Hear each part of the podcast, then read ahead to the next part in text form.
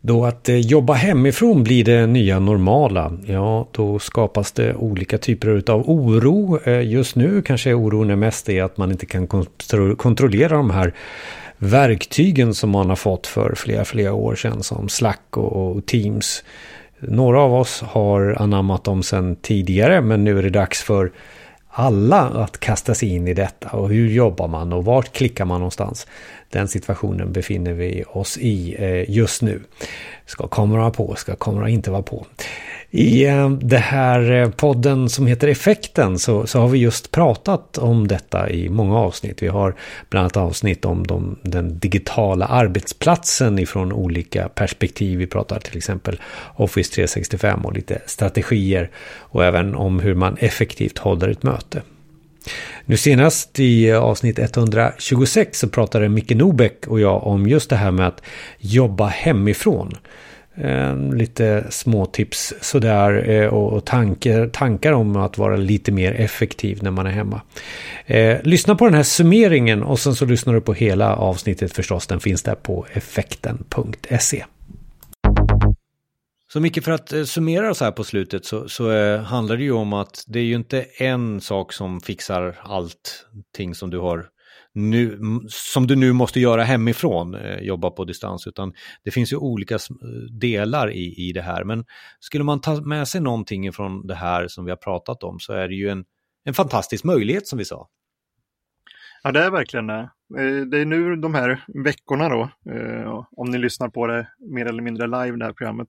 Men under våren 2020 så det, det är då ni har möjlighet att, att Eh, verkligen gå digitalt, att göra saker på, på distans och, och, testa att jobba hemifrån om ni inte har gjort det tidigare och att eh, se hur organisationen hanterar det, se hur resultatet blir. För det, tanken är ju inte att, att, eh, att så att säga att verksamheten ska gå ner på sparlåga bara för att man jobbar hemifrån, utan arbetet fortsätter ju. Det är ju nästan business as usual, det är bara att det är digitalt istället.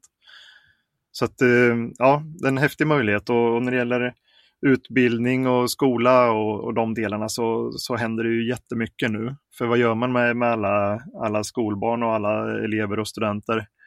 Eh, de måste ju kunna fortsätta lära även om de inte är i skolan.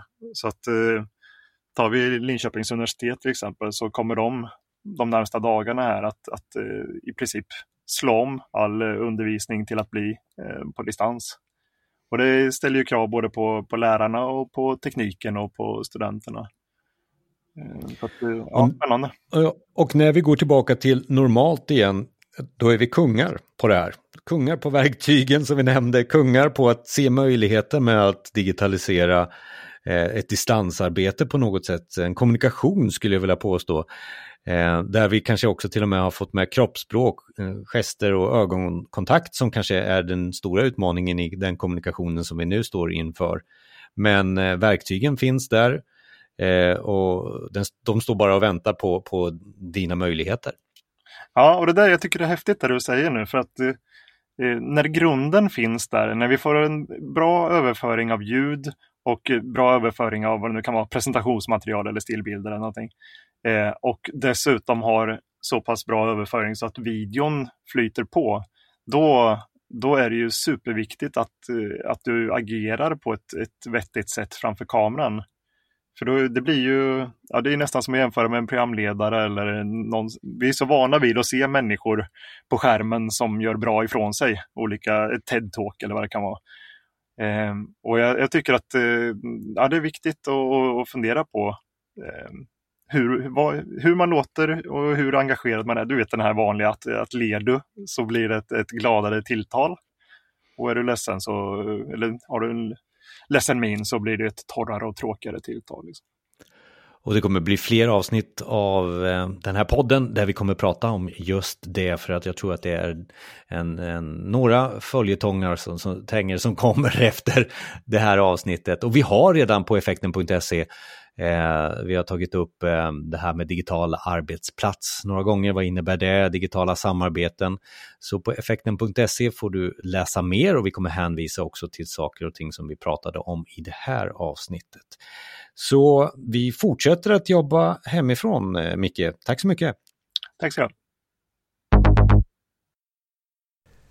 I effekten som är digitaliseringens podcast får du mer av avsnittet, ungefär 25 minuter. 126 var alltså numret på avsnittet. Finns där du hittar dina poddar, eh, till exempel då eh, Spotify. Mer om eh, de uppdateringar som finns runt digitaliseringen, vad jag ser och vad jag gör, finns på jonasjani.se. Vi hörs!